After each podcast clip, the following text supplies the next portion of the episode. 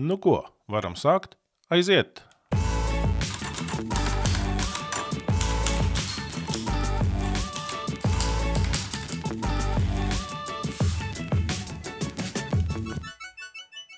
Sveicu tevi misijā podkāstā.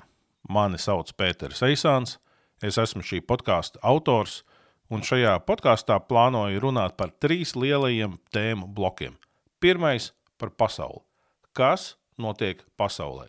Kādas ir kopsakarības, kādi ir notikumi, kādas ir tendences, uz kurien tas viss virzās. Līdz ar to, ja tev rūp vairāk nekā tikai uh, savu māju, savu pilsētu, tu labprāt arī paskaties plašāk, es domāju, tu atradīsi kaut ko vērtīgu šeit. Otrais tēma bloks ir evaņģēlijs. Uh, ko tas nozīmē šodien, vai tas ir būtiski, kādā veidā tas ir būtiski šodienas situācijā, ar kur, ko tas dod kaut kādu pienesumu cilvēka dzīvei. Uh, par to arī mēs runāsim. Un trešais ir mācekļu sūtība. Ko tas nozīmē īstenot Jēzus mācekļu sūtību šodienas situācijā, gan šeit, Latvijā, gan arī dzen, tādā plašākā kontekstā. Un kādēļ tāds nosaukums podkāstam - misija? Tas ir no latviešu valodas sūtīt. Redziet, tad, kad pēc augšām celšanās Jēzus nāca pie saviem mācekļiem, viņi bija aiz slēgtām durvīm, un viņš nāk viņu vidū. Mācekļi viņu atpazīst pēc tā, ka viņam ir naglu rētas rokās un kājās, un viņi kļūst priecīgi. Tajā brīdī Jēzus viņiem saka, kā tēvs man ir sūtījis, tā arī es jūs sūtu.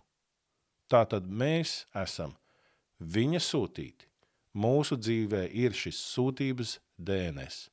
Tādēļ tāds nosaukums podkāstam. Pēdējā laikā ļoti daudz mums jādomā par notikumiem eh, sabiedriskajā dzīvē. Ir ļoti liela polaritāte. Cilvēkiem ir ļoti kategoriski uzskati. Liekas, ka katrs dzīvo savā informācijas burbulī. Un tādēļ arī radās jautājums, kādēļ daži kristieši ir dedzīgāki par politiku nekā par Kristu un arī kā nepazaudēt liecību un kā veidot mācekļu šajā visā kontekstā. Un arī kā turēties pie mūsu vērtībām un vienlaicīgi nezaudēt tādu garīgu ietekmi. Un arī laikā, kad notiek ģimenes jēdzienu pārdefinēšana, un kā kristiešiem uz to visu reaģēt. Uz sarunu es aicinu divus mācītājus, divus garīdzniekus, Edgars Mažu un Ivo Pauloviču.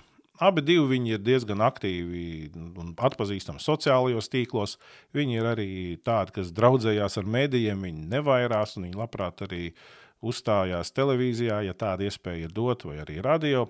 Tādēļ šajā reizē aicinu Lutāņu mācītāju Ivo Pavloviču un Baptistu mācītāju Edgars Mažu uz sarunu. Sveiki, Edgars! Labdien! Sveiki, Ivo! Labrīt, labdien! Es gribu ar jums parunāt par, eh, par politiku un Kristu. Kā iet, vai mēs nepaļaujamies vairāk uz politisko procesu, kā uz Kristu. Un eh, ļoti jau spilgts eh, bija šis Amerikā vēlēšana laiks, un man liekas, sociālie tīkli uzkars ne tikai tur, ka es vēroju, nu, man ir diezgan daudz arī Facebookā draugu no Amerikas, nu, pilnīgi polāri tie viedokļi. Un, aizvien kategoriskāk, aizvien viens otru izslēdzošāk. Un, bet kaut kā arī man likās, ka tā nav tikai Amerikas problēma. Es pamanīju līdzīgas eh, tendences un dinamiku arī Latvijā. Eh, ko jūs par to domājat? Nu, redziet, man šķiet, ka vienai daļai mūsu sabiedrības eh, vēl joprojām ir tāda nu, postpadomju domāšana, nu, ka kristietis un politika tās ir divas tādas pilnīgi nesavienojamas lietas. Uh, Līdz ar to, tad, teiksim, nu, vispār kristietis politikā, es domāju par tiem kristiešiem, kuri ir bijuši saimā, par kristiešiem, kuri ir bijuši pat ministra amatā, viņi saņem veselīgu, varbūt pat ļoti neveselīgu kritikas devu no sērijas. Nu, politika ir netīra un, un mums tur nav ko darīt. No otras puses, es gribu sacīt, ka, nu, ja kristietis iet politikā, tad tur viņam ir vajadzīga milzīga tāda dieva aizsardzība, dieva gudrība. Jo, jo diemžēl, nu, politikā pārsvarā ieiet jēdzīgi normāli cilvēki, un tad viņus samaļ. Un tad tu brīnies, kas no tā cilvēka ir palicis pāri. Un es teiktu, ka tās ir tādas varbūt manas pārdomas par polarizāciju. Jā, par to mēs domāju, droši vien runāsim vēl tālāk procesā. ar politiku acīm redzot, ir tā, ka, diemžēl, mēs dzīvojam tādā laikā, ka mums ir divas izvēles, tikai divas. Vai nu uh, mēs iesaistamies politikā, kādā veidā piedalāmies un varam formēt to, vai nu neiesaistamies un piedzīvojam to, kā veido un formē mūsu. Bet te es uzreiz gribētu pieteikt to, ka piedalīties politikā var absolūti dažādi. Gan vienkāršais, cilvēks vienkāršais, ar to domājot vēlētāju, gan cilvēks nevienkāršais, kurš grib darīt un ir gatavs darīt kaut ko vairāk nekā vienkārši aiziet, iemest tur to papīrīti un, un ar to arī atkratīties no visas atbildības. Politikā, es teikšu tā, politikā var piedalīties tiešā veidā nesot iesaistītam politiskajā sistēmā. Proti, mēs varam, nu, varam domāt, ka iesaistīšanās politikā ir automātiski tā, tad tu esi partijā, vai tu balso, vai tu piedalies vēlēšanās, tu tur piedalies kaut kādos politiskos mītiņos un tā tālāk. Bet nē, Uh, piemēram, es, tas varbūt tāds mazliet humors, bet es, es stingri pie sevis nodomāju, ka nākamreiz, kad man aizpildot bankā dokumentus, atzīmēt, vai tu esi politiski nozīmīga persona, es pilnīgi noteikti atzīmēšu, ka es esmu un paskatīšos, kādas būs sekas. Tāpēc, ka politikā var piedalīties arī citādāk. Piemēram, jebkura publiska viedokļa paušana par kādu morāli ētisku tēmu, kas skar um, to nu, sabiedrības dzīvi, ir netieši piedalīšanās politikā. Un te varbūt runa patiesībā nav par to, vai uh, vajag vai nevajag piedalīties politikā, bet jautājums ir par to, uh, kādā veidā uh, vai kādā formātā piemēram, mēs kā mācītāji varam piedalīties politikā, un kad sabiedrība un mēs būsim lielāki ieguvēji, un kā nu, ik viens cilvēks var piedalīties politikā, un tur ir daudz un dažādi veidi un, un iespējas, kā to darīt. Bet, nu, īstenībā mēs tā vai citādi esam iesaistīti tajā. Nu, nu, tas darīt. tipiskākais veids, kā cilvēki ir iesaistīti, ir caur no sociālajiem tīkliem. Eh, caur sociālajiem tīkliem, un vai nav tā, ka ir notikusi tā diezgan stipra polarizācija, un beig beigās ir tā, ka, ja ir mēģis pārliecināt kādu par uh, savu ideju, un ka tā atbilst realitātei, un ka tā ir laba, uh, tad beigās sanāk, ka katrs uh, savus izteikumus un idejas komunicē tikai savējiem, tam savam burbulim, uh, tam savam uh, piekritēju lokam, jo vai arī nav pie vainas algoritmi, ka tie sagrupē cilvēkus pa interesēm. Un līdz ar to kaut kāda debata nav, nav iespējama tikai tādēļ, ka cilvēki pretējiem viedokļiem pat viens otru neredz. Jā, jā, otrs ir, protams, tā runas maniera un kultūra, kādā tā notiek šī saruna vispār savā starpā. Jā, izmanto dažādas iespējamās platformas, un ir pilnīgi skaidrs, ka nevar diskutēt un sarunāt vienā platformā, vai arī uh, Nevar, nu, būsim reāli, nevar izmantot tikai kādu citu radītu platformu, lai diskutētu par sevi interesējošām lietām. Piemēram, tipisks piemērs ir platforma Mana balss LV. Tagad ļoti daudz kristieši neskapēc ir iedomājušies, ka šī platforma ir tāda neitrāla, demokrātiska platforma, kura ir atvērta plašām cilvēku iniciatīvām. Es šajā platformā jau pirms vairākiem gadiem, tad, kad bija prezentācija šīm grāmatām, kuras mēģināja ar tā, tajā laikā labklājības ministrs Viņķels palīdzību iebīdīt uh, pa sētas durvīm bērnu dārzos. Uh, dažos arī iebīdīja. Uh, un tad, kad es ierosināju iniciatīvu platformā Man balss LV, es saņēmu tieši to pašu, ko tagadējie ierosinātāji saņēma. Vispirms bezgalīgi ilgu vilcināšanos, neskatoties to, ka tika savākta tā pirmais, cik tur tie cilvēki vajadzīgi sociālajos tīklos. Uh, tad kaut kādas diskusijas, un visbeidz, visbeidzot konkrēti atteikumi. Nu, ja būs tāda vajadzība kādreiz to pierādīt, man tas ir dokumentēts un nofiksēts arī manā datora atmiņā, visi šī saraksti un tam līdzīgi. Tā kā nu, vēsture atkārtojas, un, un es domāju, būsim reāli uh, un, un, un sapratīsim, ka vai nu, politi, vai nu mēs piedalāmies un taisam politiku, vai politika taisa mūsu.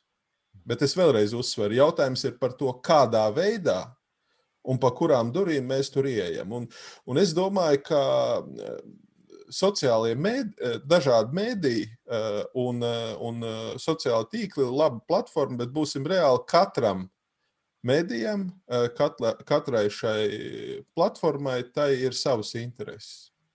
Tas arī viss. Mhm.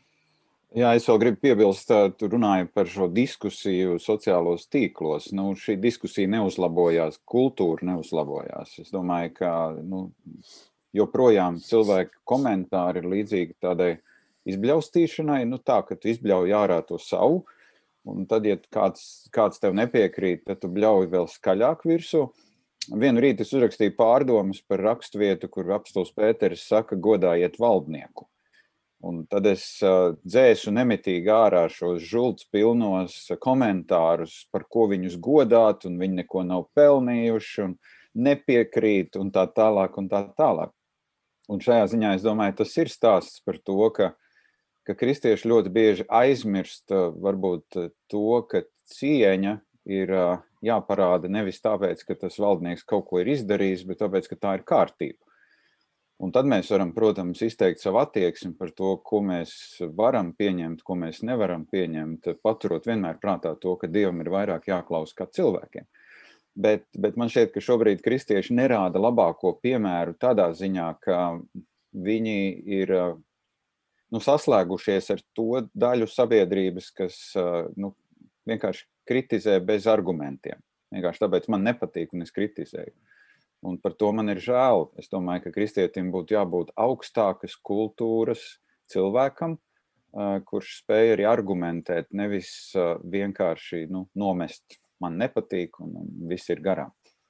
Jā, bet vai tā ir tikai kultūras tāda un, un, un audzināšanas uh, problēma, jeb tā ir arī kaut kādā veidā uh, nu, ja būtu jāsaka, teiksim, teoloģiska problēma, jo, es tā vēroju, reizēm kristieši dedzīgāk aizstāv savus politiskos uzskatus nekā evaņģēlīgi. Nu, redziet, es domāju, ka politiskos uzskatus jau veido arī tas, ko viņi mācās savās draudzēs, kas viņiem tiek sludināts. Un, un es varu teikt, ka, teiksim, nu, vēl daļā baptistu, varbūt luterāņi ir savādāk, bet daļā baptistu joprojām romiešiem 12.2 netopiet šai pasaulē līdzīgi. Jā. Nu, tad viss, kas ir tur ārā, tas ir slikts pēc definīcijas. Nu, tad mums ir jāvēršas, mēs skatīsimies vienmēr ar aizdomām pret to, kas ir ārā. Mēs neredzēsim neko labu. Un ja tu sāc ar aizdomām, nu, tad, tad beigās uh, tu aizmirsti, ka tavs uzdevums ir uh, nest Kristus vēstu šajā pasaulē un, un darīt par mācekļiem visas tautas, visu formāciju cilvēkus, ne tikai tos, kuri man patīk vai kur atbilst manam profilam. Un, un tādā ziņā, jā, protams, mūsu paša egoisms aizēno uh, Kristus vēsti. Vienalga, vai mēs klusējam, vai mēs runājam. Jo tikpat slikti ir arī klusēt, tad, kad jārunā. Jā, tieši tā. Uh, ir jāpadomā par to, kā mēs iesaistāmies politikā, un, un ir svarīgi te varbūt neienest. Uh, mēs draudze, mums draudzēs un kristiešu vidē var būt uzskati dažādi par, par norisēm sabiedrībā, par to, kā, kādām lietām vajadzētu būt kristīgi un pareizi, piemēram, kādai vajadzētu būt ģimenei un, un tam līdzīgi. Uh, Bet tas, ko nevajadzētu darīt eh, draudzes eh, kontekstā un, eh, un konkrētā, īpaši, kas būtu svarīgi varbūt pirmsvēlēšanu laikos, kas ir īpaši lai, konkrēts, pārlieku pieķerties kādai konkrētai politiskai partijai, kādam konkrētam politiskajam līderim, kurš uz kaut ko aicina. Bet uh, arī draudzēs un starp kristiešiem mums ir, nu, jāsaka tā, mums ir jāspēj saprast to, ka vienā draudzē var būt kristieši, kuri iet vēlēšanās balsot par absolūti dažādām partijām. Un viņiem ir savi motīvi un savi iemesli, kāpēc viena balso par vienu partiju, otra par otru partiju un tam līdzīgi. Un šāda veida strīdus, kas ir tādā politiskajā arēnā par to, kura partija un kurš tur ko, tos nu draudzē un baznīcas kontekstā ienest nevajadzētu un, un arī uh, draudzes mācītājiem būtu labi, uh, jo īpaši draudzes mācītājiem būtu labi stāvēt, kā Edgars teica, pāri tādām nu, primitīvām politiskām batālijām. Uh, jā, mēs kā mācītāji esam aicināti runāt par vērtībām, runāt par tām vērtībām, kādas Dieva vārds mums māca, bet atcerēsimies, mums tas patīk vai nepatīk, bet arī uz to, ko Dieva vārds saka, mēs skatāmies katrs ar savām brillēm mazliet. Mm -hmm. Un tas nozīmē, ka nu, Baptisti ar savām, Lutāņi ar savām, nu, tur ir tie katoļi un pareizcīgi, viņiem vēl ir citas krāsas brilles, ja? nu, un tad ir vēl visādi citādāki cilvēki. Līdz ar to būsim godīgi, tad, kad mēs sakam, Dieva vārds saka, un, un tālāk vienmēr jāsaprot, tas ir korekcija uz manām brillēm mazliet. Uh, Uh, bet, bet katrā ziņā politiskās batālijas ienest nevajadzētu. Un es skatos arī par dažādām iniciatīvām. Protams, draudzes un kristieši ir ļoti garšīgs kumos priekš politiskajiem, mm, politiskajiem līderiem un tiem, kur vēlas iemantot zināmu politisko kapitālu un iemantot vēlētāju atbalstu. Tādēļ es teiktu, pilnīgi noteikti, vispirms vajag skatīties uz vērtībām, un tad skatīties uz šo vērtību nesējiem, un, kā Dieva vārds saka, par koku spriež ne jau pēc nosaukuma, bet pēc augļiem. Un ir vērts papētīt un pavērot cilvēku ilgtermiņā un, un izdarīt secinājumus. Un, un dažkārt, un, un, un tā ir tāda traka lieta īstenībā, ka, nu, piemēram, tā pašā cīņā par ģimenes vērtībām.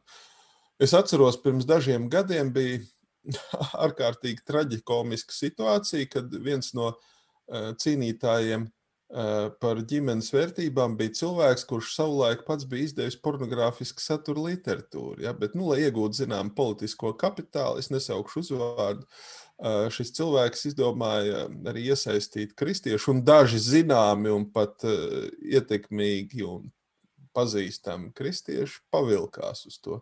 Tādēļ nu, tur jābūt uzmanīgam. Nu, es tieši par to domāju, ka te jau ir tas, ka no vienas puses mesties ar tādu kategorisku pārliecību un teikt, eh, visa taisnība tikai mūsu perspektīvā un mūsu pusē, kā mēs redzam lietas. Un tajā otrā pusē eh, tur ir tikai viss ļaunums un, un viss sliktais.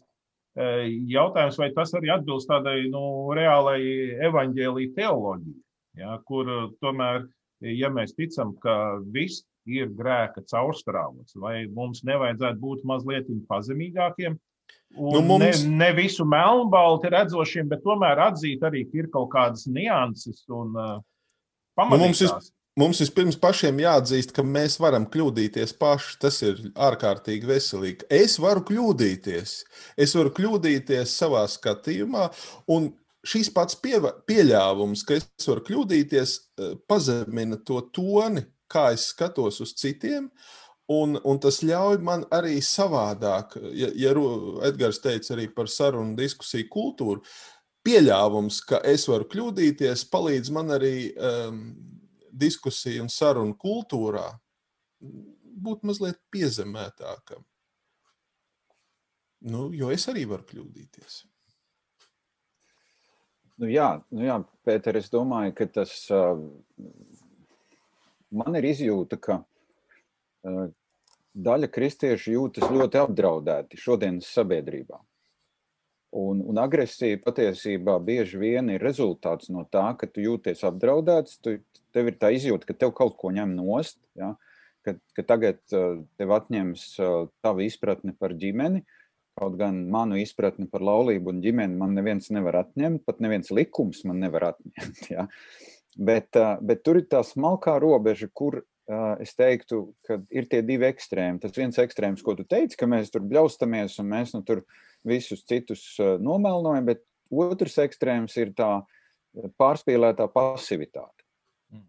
Nu, tā, ka tu neko nedari. Tu saki, man tas netraucē, es dzīvoju tālāk, ja tu vēl, man liekas, arī apstāsts Pēters saka, turiet to par lielu godu, tur klusi, mierīgi dzīvojot, darīt savu darbu. Nē, tas Pāvils laikam bija. Jā, var sakot, tas, kas notiek valstī, tas, tas uz mani neatiecās. Ja? Kaut gan es piekrītu tam, ko tu Ivo sacīja, protams, ka attiecās. Arī mana pasivitāte parāda manu pozīciju. Ja? Ka man varbūt ir šajā ziņā viss vienalga. Ja? Bet atrast to dievbijīgo līdzsvaru, es to saukšu tā, ir ļoti grūti. Tāpēc, ka es domāju, nu, mēs arī šīs ziņas saņemam katrs ar to savu bagāžu. Jā, teiksim, viens var tā ļoti mierīgi to satversmes tiesas lēmumu, kas novembrī bija, tā, tā ļoti pragmatiski paskatīties. Otrs ir jau satraukts no Covid, un viņam liekas, šis ir beidzamais.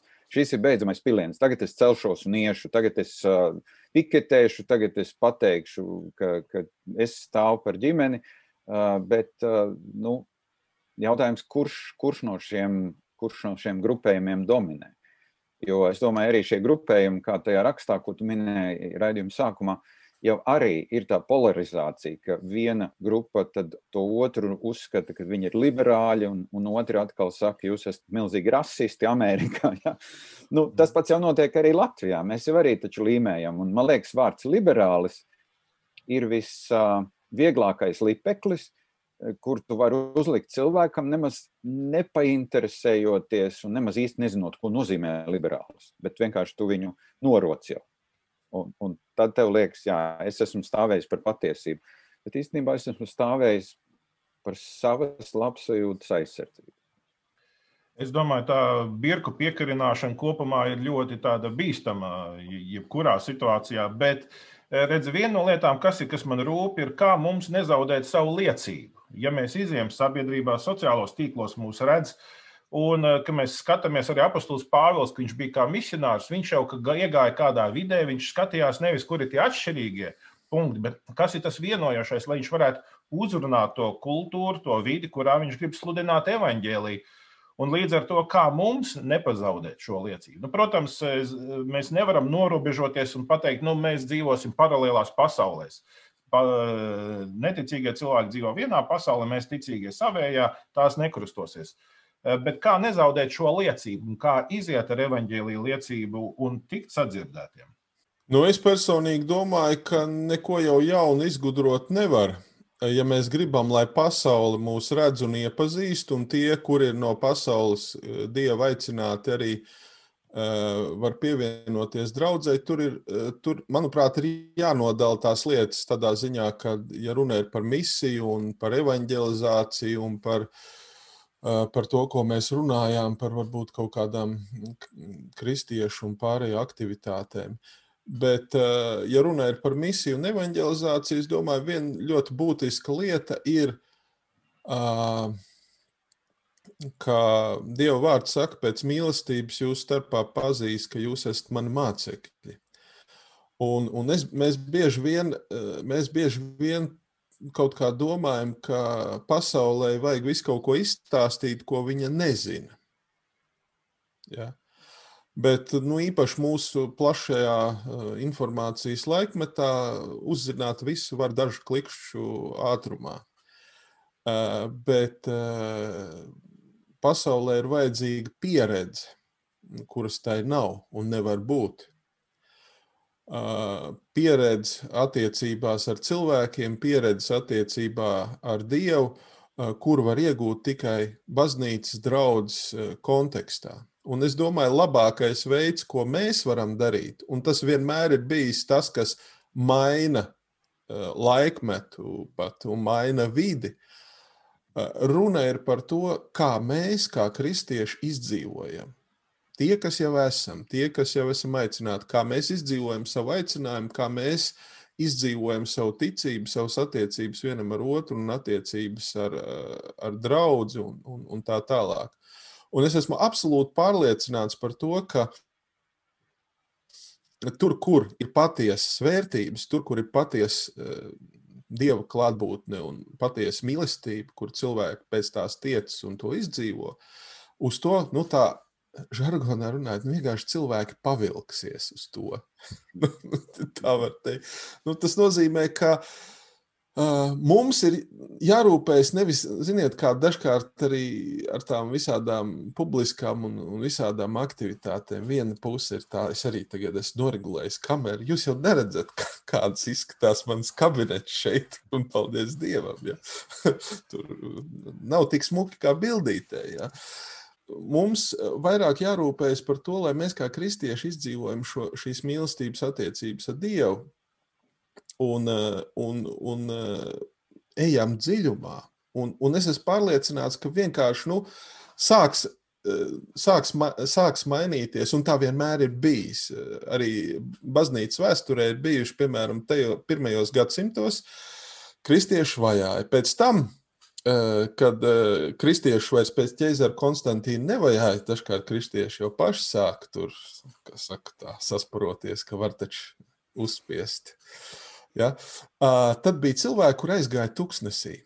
Viņi saka, nē, nē, mums šī tādu kristietību nevajag, tāpēc ka nu, tāda masovka, tāda, kad visi.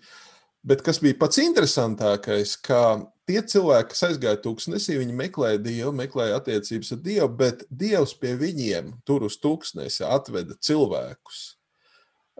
Viņi meklēja izdzīvot Dievu klātbūtni un, un iet šo Dievu ceļu.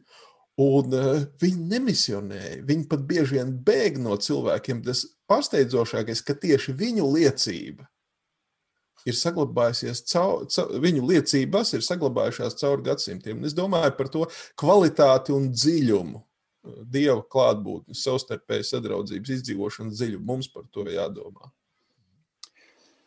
Jā, man liekas, ka arī šodienas kontekstā kristiešiem ir jādomā par to, cik daudz katrā no mums ir empātija, vai spēja iejusties, vai just līdzi, vai spēja vēlmi to otru cilvēku iepazīt. Jo dažreiz mēs lietojam kaut kādas, nu, nu baznīcā iemācītas schēmas. Jā. Mēs sakām, nu, tev ir jāatgriež no grēkiem, tev ir eh, jānošēlo grēki, kas eh, pēc satura ir pilnīgi pareizi bet tā attieksme, ar kādu mēs ar šiem cilvēkiem runājam, viņus pilnīgi atgrūž.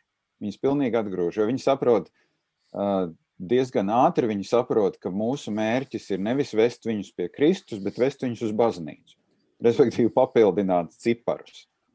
Un tad viņiem mazliet jūtas tā kā nu, apdalīti, jo tā izjūta viņiem ir tāda, nu, tad, tad kaut ko tu gribēsi tagad pretī par to, ka es nākšu pie tevis ka tas nemaz nav tā tik vienkārši. Un, un tāpēc man šķiet, tas, nu, es varbūt pateikšu kaut ko ļoti kontroversālu. Man šķiet, ka Kristus nākšanas galvenais mērķis nebija piepildīt baznīcas. Baznīca kļuva par vietu, kur Kristus mācekļi sāka pulcēties. Bet Kristus neteica, ejiet pasaulē un vediet visus mācekļus uz baznīcu. Viņš teica, dariet par mācekļiem, Man patīk šajā lielajā pavēlē, tur ir tie divi dabi. Ejot, strādājot, darbojoties ikdienā, tur, kur jūs esat. Ja? Un tikai pēc tam nāk mācot un kristot. Uh, līdz ar to šis, šis etaps bieži vien mums iztrūkst, tāpēc ka uh, man liekas, vēl viena lieta, kas mums pietrūkst, ir tā, ka mēs, uh, Ivo, tu jau labi teici, mums ir vajadzīga veselīga pazemība, mums ir vajadzīga arī spēja atzīt, ka mēs esam darījuši kaut ko sliktu arī savu neticīgo kolēģi priekšā. Un tur dažreiz kristiešiem ir problēmas. Viņiem ir tā izjūta, ka, nu, ja es eju Dievu vārdā, nu, tad es esmu nekļūdīgs. Bet, eh, bet pasauli iegūt no tā, ka viņi redzētu, ka kristietis ir tāds pats cilvēks, kurš cīnās, kurš nožēlo, kurš lūdz piedošanu, kurš saņem piedošanu, kurš cīnās, iet tālāk, kurš mācās mīlēt. Kamēr tas nav, tās ir tikai tādas, nezinu, evanģelizācijas kampaņas, kurām ir ļoti īslaicīgi augļi. Tātad labāk būtu, ja būtu kristietis, kas atzīst, ka arī viņam ir vajadzīga žēlastība, par kur viņš pats sludina. Noteikti. Absolūti noteikti. Un labāk būtu, ja mēs sevī kultivētu lielākus žēlastības lādiņus. Man šķiet, tā problēma atkal ir, ka mēs esam pārpratuši, kas ir žēlastība. Mums liekas, dažreiz, ka žēlastība ir tā, ka tu vienkārši piemiedz acis un saki, nu, tas ir labi, ka tu tā dzīvot, viss kārtībā, Dievs tevi mīl, bet, bet žēlastība sevi ietver arī spēju patiesību pasakīt mīlestībā.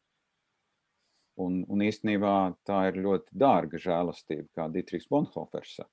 Tā, tā nav lēta žēlastība. Kristus mīra par mūsu grēkiem, un augšām cēlās, lai mēs šo žēlastību saņemtu. Un, un tāpēc kaut kā jāsabalansē tas, nu, atkal tas bauslības pirksta kratīšana, luterāņu vārdiem runājot. Un, un, un otrā pusē ir tas no sērijas Dievs, tur tā kā, man liekas, Klaisas Teipls Luis teica, ka daudziem šķiet, ka Dievs ir tā tāds mīļš opaps, kas piemiedz acis, ka mazbērni tur blēņas dara, ka beigās jau viss būs labi. Ja. Tur man šķiet, ir jāatrod tas līdzsvars. Ir laiks runāt par Dieva mīlestību, un ir laiks runāt arī par Dieva taisnīgumu un par Dieva svētumu.